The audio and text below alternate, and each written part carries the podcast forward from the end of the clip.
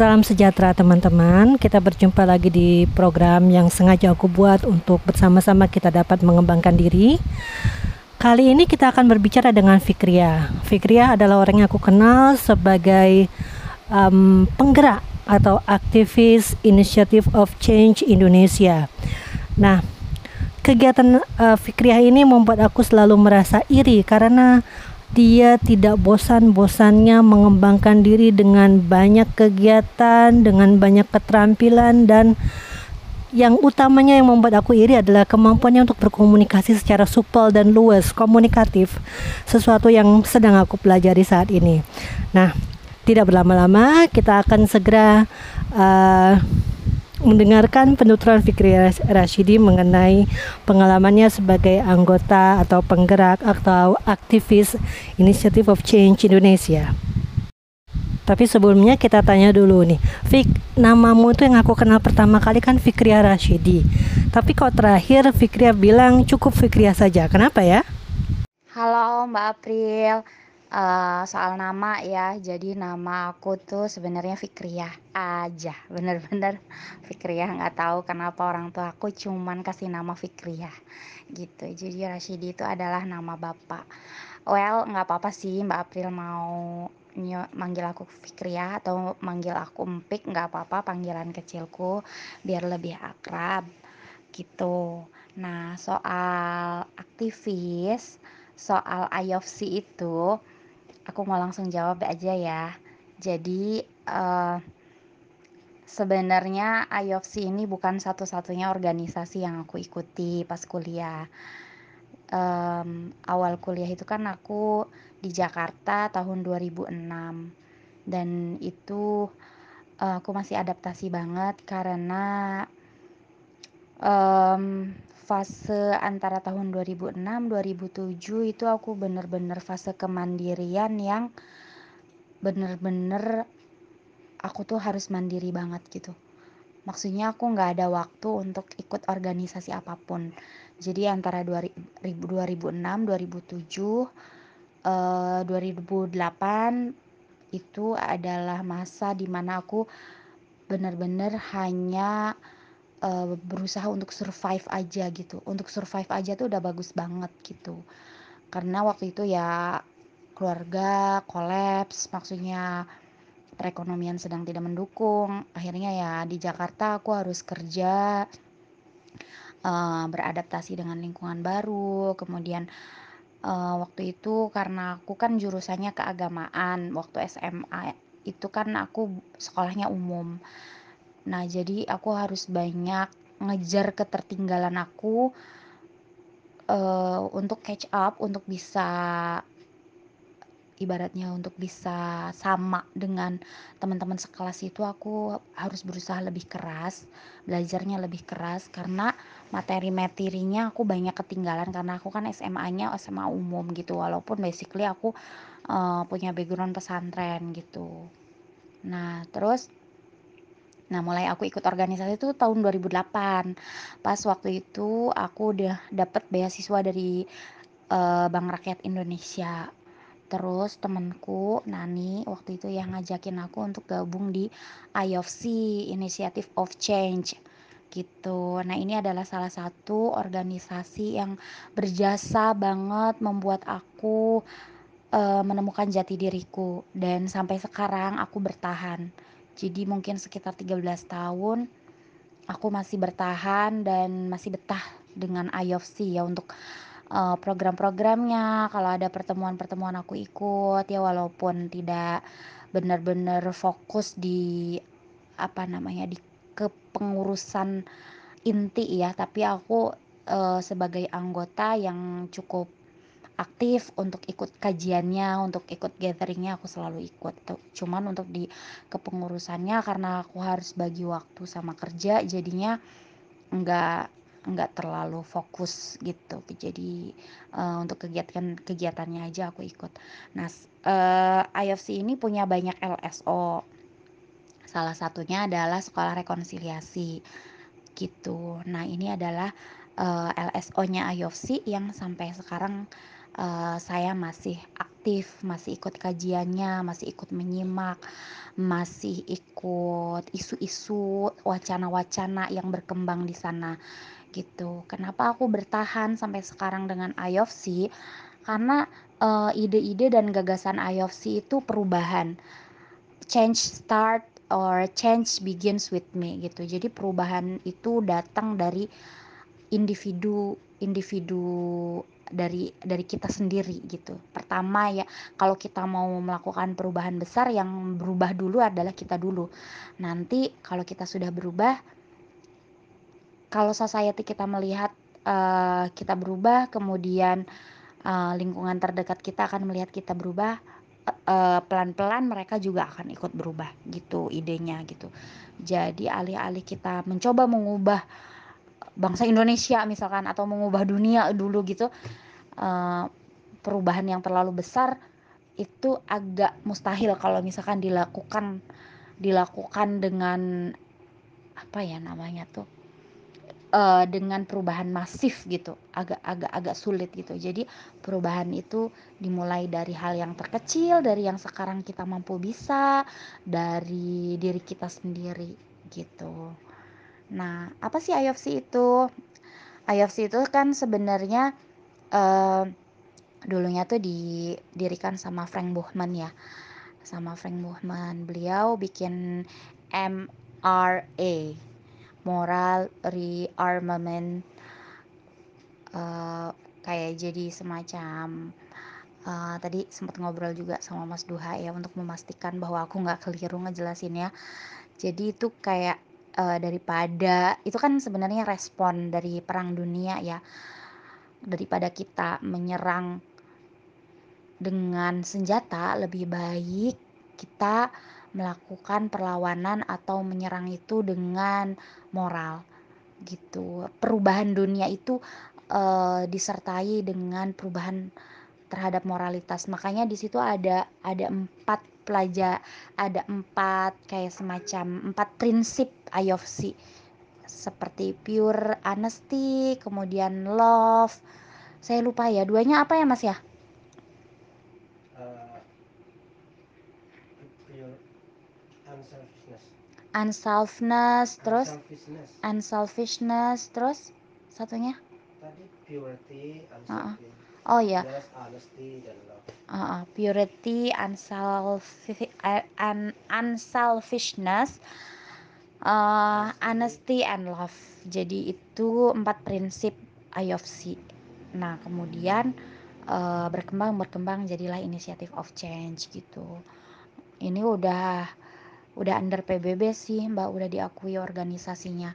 Kayak gitu. Nah yang yang sekarang kita ikuti itu uh, fokusnya sekolah rekonsiliasi itu adalah fokusnya lebih ke isu kesehatan mental tapi dia uh, lebih apa ya jadi kajiannya tuh lewat keluarga gitu loh. Jadi semua masalah mental jadi di di situ tuh kayak uh, percaya bahwa uh, sebenarnya mental illness sebuah semua masalah mental masalah mental kita itu uh, asalnya adalah dari uh, fungsional dan disfungsional keluarga kita gitu. Sebenarnya kan semua semua orang itu uh, punya problem mental gitu. Tapi masalahnya ada yang ada yang biasa aja ada yang ya kecil lah masalahnya gitu.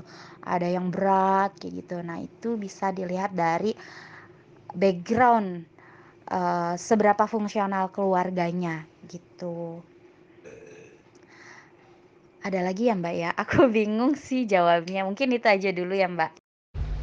Initiative of Change Indonesia ini kan uh, tentu banyak kegiatannya. Nah tadi kan Fikria fokusnya ke uh, sekolah rekonsiliasi.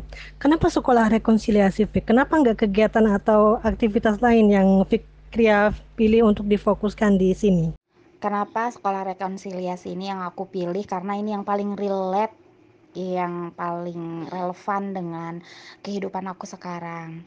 Tapi sebenarnya sih uh, nggak nggak uh, baru-baru ini nggak ini udah lama sih aku dari gadis dari masih lajang.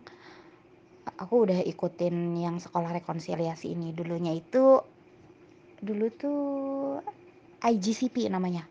Inner Growth uh, Inner Growth Program. Nah terus berubah jadi sekolah rekonsiliasi. Kenapa tertarik di isu ini? Karena aku merasa hidupku tuh kayak banyak yang nggak bener deh. Aku orangnya kan pemalu pemurung terus uh, apa ya gampang bersedih gitu. Terus uh, waktu itu aku sering berpikir kayak buat apa sih hidup kayak sering berpikir mengakhiri hidup gitu loh. Tapi tapi juga nggak berani gitu loh. Mau bunuh diri juga nggak berani gitu. Cuman kayak sering datang perasaan kayak gitu. Terus kan aku berusaha nyari dong gitu dari dari kekosongan yang ada di diriku ini. Apa sih sebenarnya?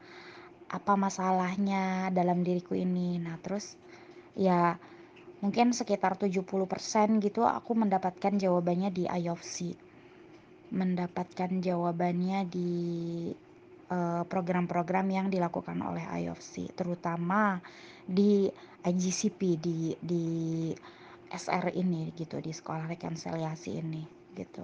Jadi kenapa kenapa ya aku kok kayak merasa takut dengan suasana baru gitu. Ternyata setelah diobservasi kemudian uh, melakukan riset terhadap perjalanan hidupku mulai dari usia 0 tahun itu karena aku ada trauma sering diabaikan sama kedua orang tuaku gitu aku sering nggak direspon pas uh, fase yang harusnya tuh fase di mana aku tuh butuh merasa aman, merasa cukup gitu. Ternyata di fase itu tuh aku nggak dapat gitu. Jadi efeknya sampai tuh setua ini tuh belum belum hilang gitu. Aku masih merasa takut dengan uh, hal yang benar-benar baru kayak gitu. Jadi terus aku nggak percaya diri kayak gitu, Mbak.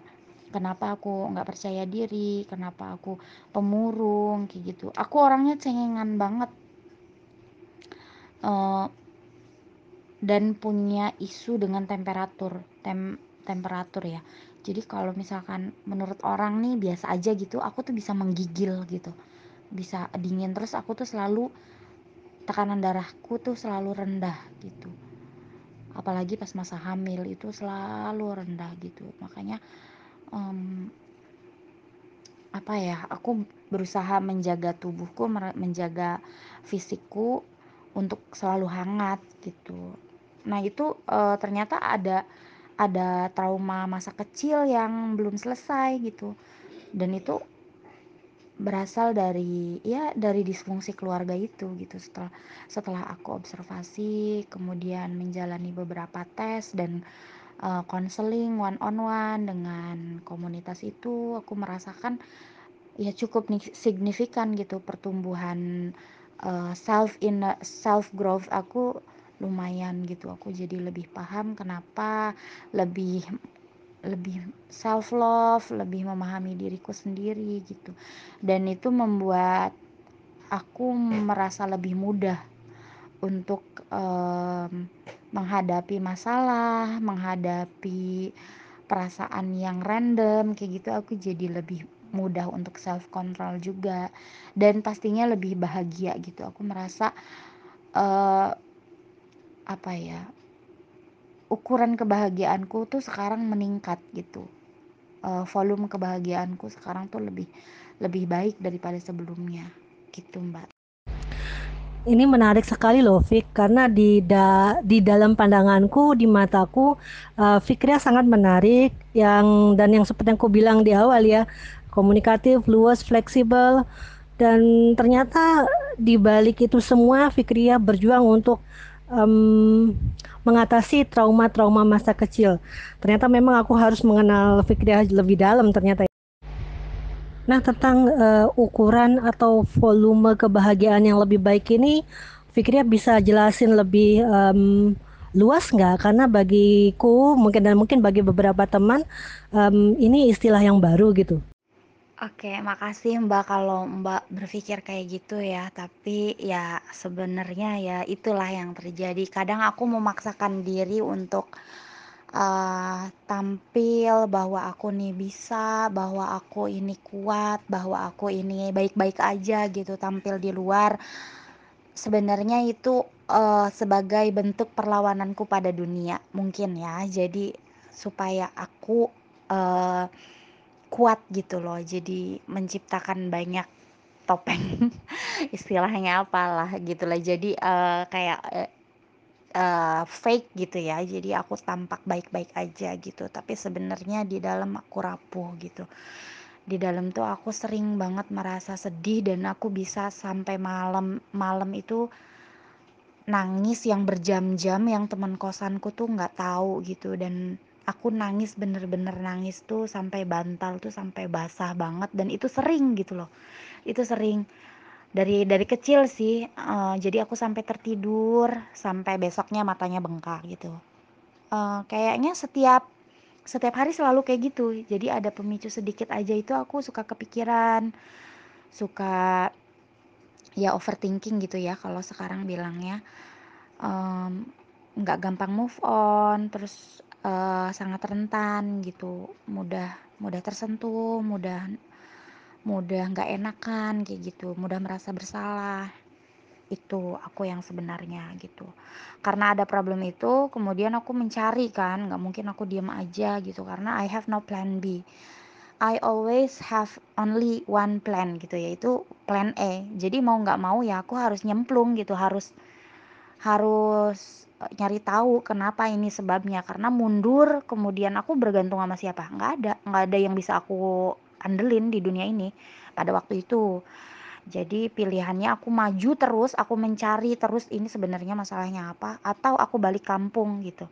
Aku balik kampung menyerah, ya udah deh minta dikawinin aja sama orang tua aku, terus aku yang menjalani hidup seperti layaknya orang kampung pada umumnya, ya udah beranak, kemudian ngurusin anak, kayak gitu-gitulah standar ya hidup hidup di kampung kayak gitu.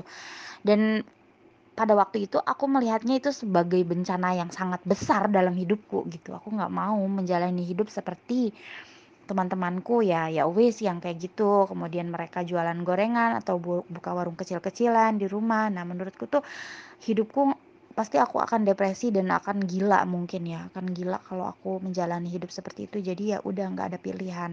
Aku harus menguatkan diriku uh, mungkin di depan kayak baik-baik aja. Tapi ada hal yang menurut aku tuh menyakitkan. Aku bisa balik ke kamar mandi terus kemudian aku nangis kayak gitu terus by the time aku berusaha untuk menguatkan diri untuk uh, terus memahami sebenarnya what's wrong with me gitu sih. Lebih ada apa sih sebenarnya? Itu sih yang menggerakkan aku. Kenapa kok aku kayak gini banget? Kenapa orang orang lain kok kayaknya bahagia tapi aku tuh enggak? Gitu. Kenapa orang tuh mudah banget ketawa tapi aku tuh enggak? Gitu loh. Jadi aku kayak iri aja. Kenapa orang sih bisa hidup dengan dengan simple dengan menjalani pemikiran yang sim sesimpel itu gitu loh. Tapi aku tuh nggak cukup gitu loh.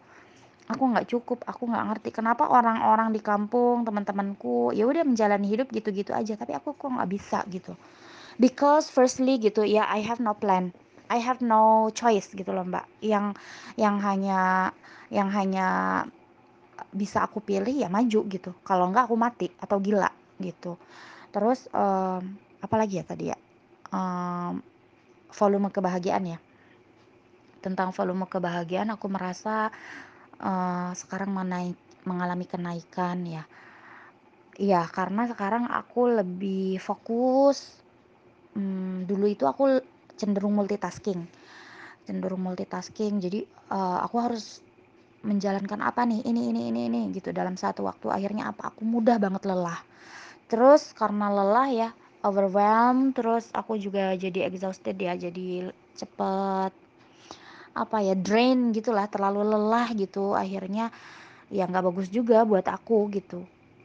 Kadang kadang-kadang pengen stop gitu pengen stop pengen hmm, pengen lari gitu. Nah kalau sekarang aku lebih fokus kalau misalkan aku lagi kerja ya aku bener-bener fokus kerja ngejalanin hari-hariku gitu terus kalau aku lagi uh, megang anak ya aku bener-bener hadir, ada, bermain, memperhatikan senyum mereka, menatap tatapan wajah mereka kayak gitu. Ketika aku ngobrol sama suami ya pikiranku nggak ke mana-mana, aku melihat uh, wajahnya Mas Duha, memperhatikan setiap kata perkatanya dia, merespon uh, dengan tepat kayak gitu. Jadi aku benar-benar merasa being in the time apa ya lebih merasakan eksistensiku ya uh, volume kebahagiaan itu lebih jadi akarnya itu adalah penerimaan diri aku mem, aku menerima oke okay, aku menerima masa laluku yang pahit yang sesulit itu yang seterluka itu yang seterhina itu yang setermarginalkan itu aku menerima aku menerimanya dan aku sedang dalam proses memaafkan semuanya satu persatu gitu. Aku memaafkan mereka, memaafkan diriku sendiri, memaafkan cerita dan jalan hidupku mulai dari aku usia 0 tahun dan itu nggak mudah gitu. Nah, dengan aku menerima itu semua, aku lebih merasanya ya Mbak, aku lebih berada gitu saat ini. Aku lebih merasa utuh, lebih merasa menapak gitu. Kalau istilahnya jalan itu kayak dulu tuh kayak nganggang, kayak masih ada sesuatu yang belum selesai gitu. Sekarang tuh aku lebih uh, merasakan jejak-jejak, langkah-langkah setiap gerak-geriku tuh aku lebih merasakannya gitu. Itu sih Mbak volume kebahagiaan yang menurutku meningkat ya. Jadi aku lebih fokus, lebih mudah tertawa, lebih mudah merespon humor ya gitu. Jadi lebih proporsional lah menjalani hidup lebih lebih enak lebih apa ya? Ya gitu kayak gitulah mbak. Kurang lebihnya. Wow Fik luar biasa perjalanan hidup. Itu seperti perempuan menantang dunia ya tidak ada jalan lain hanya maju tidak bisa mundur uh, dan aku merasa seperti Fikriah mengajarkan aku untuk melihat kebahagiaan itu berdasarkan kualitasnya bukan kuantitasnya. Kira-kira gitu bukan? Dan apakah Fikria sekarang puas dengan kehidupan Fikria sekarang? Aku sebenarnya kurang paham sih dengan pertanyaan kebahagiaan itu kualitas atau kuantitas karena kalau menurut aku itu dua-duanya penting gitu. Kualitas dan juga kuantitas. Kebahagiaan itu sebenarnya apa sih? Gitu kan? jadi ingatnya di ingat Nikomachean etiknya Aristoteles kebahagiaan itu hmm,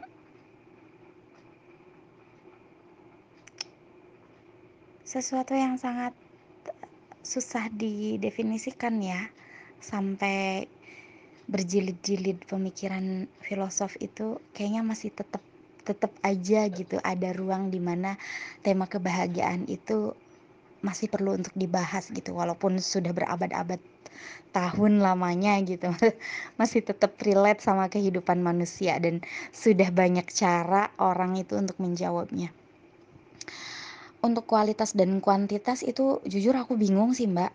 Um, karena menurutku semakin banyak kita berbahagia itu semakin apa ya memperkuat imun memperkuat eh, nggak uh, hanya secara fisiologis ya memperkuat mental kita juga gitu. Kalau misalkan kita punya tabungan kebahagiaan yang cukup once suatu ketika ada benturan-benturan gitu ya ada ada masa di mana karena kita kan hidup itu kan nggak selalu settle ya pasti ada masa-masa di mana kita itu down pasti ada um, apa namanya waktu di mana kita uh, merenung, kemudian kita merasa bersedih, merasa bersalah, itu kan pasti ada aja ya. Walaupun sekarang saya menjalani healing terapi, menjalani um, apa proses rekonsiliasi dan proses pemaafan terhadap diriku dan masa laluku tetap ada di masa di mana kita itu merasa rapuh gitu. Jadi ketika kita punya kuantitas, punya jumlah kebahagiaan yang uh, pernah kita rasakan itu lumayan banget sih mbak akan sangat membantu kita untuk up gitu loh, untuk untuk bangkit lagi gitu, untuk mengingat masa-masa indah itu. Ternyata ya hidup itu ya nggak selalu buruk sih. Dalam setiap perjalanan itu ada baik, ada buruk, ada manis, ada indahnya, ada uh, ada indahnya, ada nggak indahnya, ada enaknya, ada nggak enaknya gitu. Tergantung dari sudut mana kita melihatnya gitu. Kayak waktu dulu kan aku sebenarnya suka kesel kan pas disuruh jualan katakanlah ya sama orang tuaku gitu. Tapi sebenarnya indah sih, ada indah-indahnya gitu. Ketika jualan aku jadi senang karena dapat untung kan, terus aku juga dapat upah dari dari hasil jualanku, dari orang tuaku. Kemudian aku bertemu dengan banyak orang, berkesempatan untuk mendengarkan cerita mereka yang simple. Ternyata cerita-cerita sederhana itu bisa kalau diingat-ingat oh manis juga ya, lucu juga gitu. Terus kadang-kadang aku ceritain ke anak-anakku mereka antusias gitu jadi kenangan sih jadi kenangan ya walaupun ada ada ada traumanya gitu karena aku bekerja di luar kemampuanku ya sebagai anak-anak gitu aku harus uh, membantu perekonomian keluarga di usiaku yang sekecil itu gitu waktu itu um, terus um, ya seperti itu kali mbak. Gitu ya. Sekarang aku hmm, puas ya puas. Um, mungkin 90 persen. 10 persennya masih ruang kosong. Alhamdulillah aku berterima kasih dengan ikhlas dengan tulus dengan apa yang sudah ditakdirkan kepada saya dengan pilihan-pilihan hidup yang saya ambil dengan resiko-resiko uh, yang waktu itu saya ambil dengan dunia yang saya tantang waktu itu aku berterima kasih. Aku berterima kasih sudah dipertemukan dengan orang-orang yang tepat dipertemukan dengan kehidupan yang lebih baik dan uh, diberikan kesempatan yang luar biasa banyak oleh Tuhan. Gitu sih mbak. Uh, kalau merasa cukup aku masih belum merasa cukup. 10% itu aku masih mencari masih merasa belum settle. Ya kalau secara materi ya masih kurang ya. Uh, aku masih hmm, butuh untuk mencukupkan diriku di bagian materi ini. Untuk bagian intelektual apalagi lah masih jauh lah masih banyak yang harus aku pelajari. Emosional juga sama gitu jadi pada tahap ini aku berterima kasih pada apa yang sudah aku jalani tapi juga ya belum belum merasa selesai gitu. Oke, balik ke visi uh, Initiative of Change Indonesia, uh, yaitu menciptakan masyarakat yang bahagia, damai, setara, dan penuh rasa syukur um, dari perjalanan hidup Fikria. Dari tadi kan Fikria bilang dari nol, masa nol, tahun nol. Um, sebenarnya apa yang diubah dalam perjalanan hidup Fikria ketika Fikria mengikuti proses, aktivitas, kegiatan-kegiatan yang ada dalam naungan inisiatif uh, of Change Indonesia? hal yang sangat penting untuk diubah waktu itu aku merasa kayak orang-orang di sekitarku lah yang harus berubah gitu loh mbak jadi aku selalu menyalahkan kenapa hidup aku seperti ini sesusah ini. Ini karena orang tuaku nih nggak bener menjalankan parentingnya. Karena bapakku karena mamaku karena lingkunganku karena teman-temanku tuh toksik semua lah. Pokoknya semua orang itu salah menurutku. Salah mentreatment aku semua. Awalnya aku berpikiran seperti itu gitu. Nah uh, hal yang cukup signifikan yang membentur pemikiranku di initiative of change itu uh, daripada kita sibuk memikirkan kekurangan-kekurangan kesalahan-kesalahan orang lain ya udah deh perubahan itu dimulai aja dari diri sendiri walaupun misalkan lingkungan kita sangat beracun ya, sangat nggak bagus banget, tapi kan kita punya choice, punya pilihan apakah kita mau, meresponnya dengan reaktif, kita mau, eee, melakukan responnya itu dengan negatif atau dengan positif, itu pilihan kita gitu. Kalau kita punya orang tua yang dia punya ilmu parenting yang minim, terus kemudian kita menganalisis gaya parenting mereka dan kita menyalahkan mereka dengan apa yang terjadi sama hidup kita saat ini, itu bikin kita capek karena nggak memperbaiki keadaan gitu. Jadi ya udah aku aja yang berubah gitu. Aku yang berubah. Uh, tentunya proses perubahan ini menurutku sih ini bagian dari perjalanan spiritual juga, perjalanan kesadaran terhadap uh, apa ya terhadap realitas juga kalau menurutku ini bagian bagian menjadi bagian dari pertumbuhan spiritualitas dan intelektualitasku juga gitu.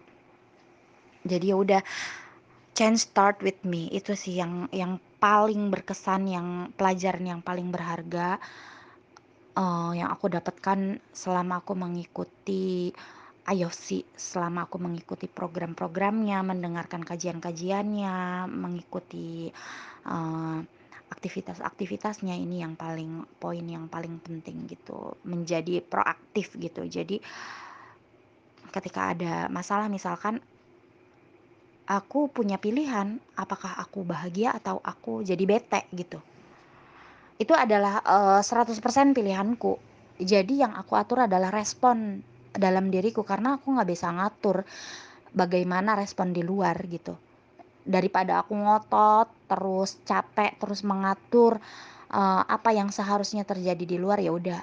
Aku mengecilkan dan membuat itu lebih simpel dengan aku hanya mengatur apa yang terjadi dalam diriku aku mengatur mindsetku aku mengubah pilih pola pikirku kayak gitu mbak. Kalau misalkan dulu um, orang tuaku misalkan ya orang tuaku itu bikin aku kecewa. Aku punya pilihan.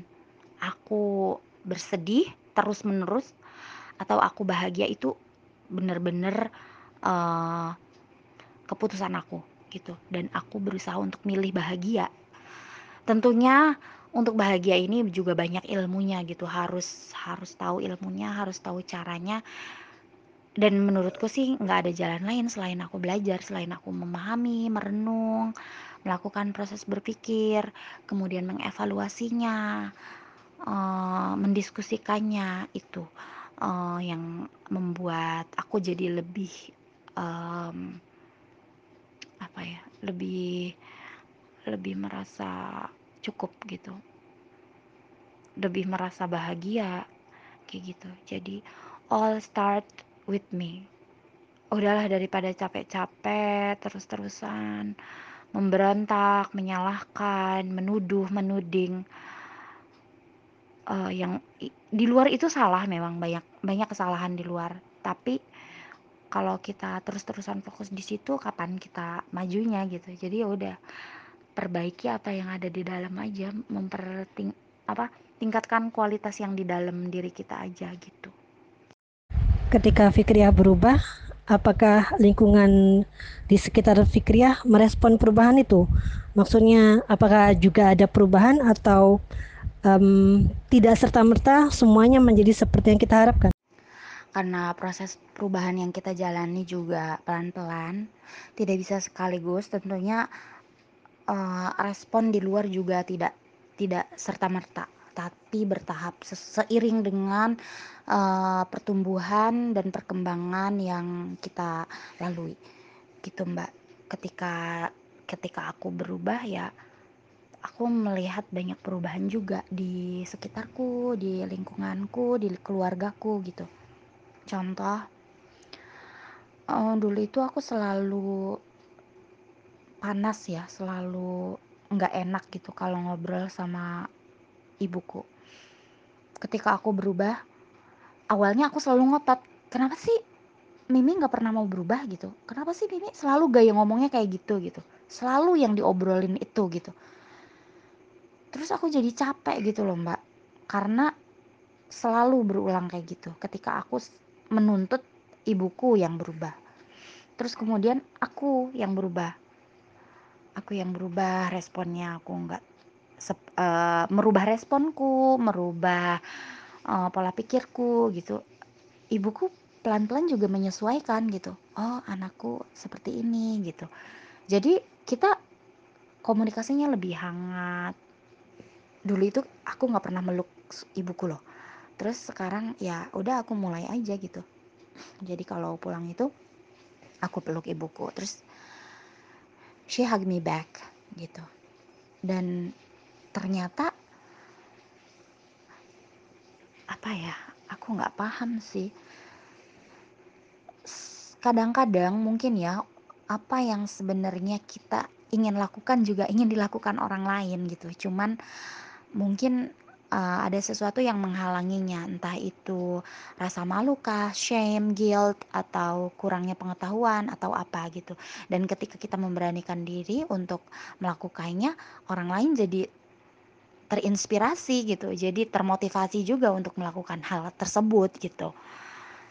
Terus apalagi ya? Jadi aku lebih happy aja sih sekarang berada di lingkungan keluargaku. Yang dulunya aku tuh merasa bahwa semua orang di lingkunganku terutama di lingkup keluargaku itu semuanya toksik gitu.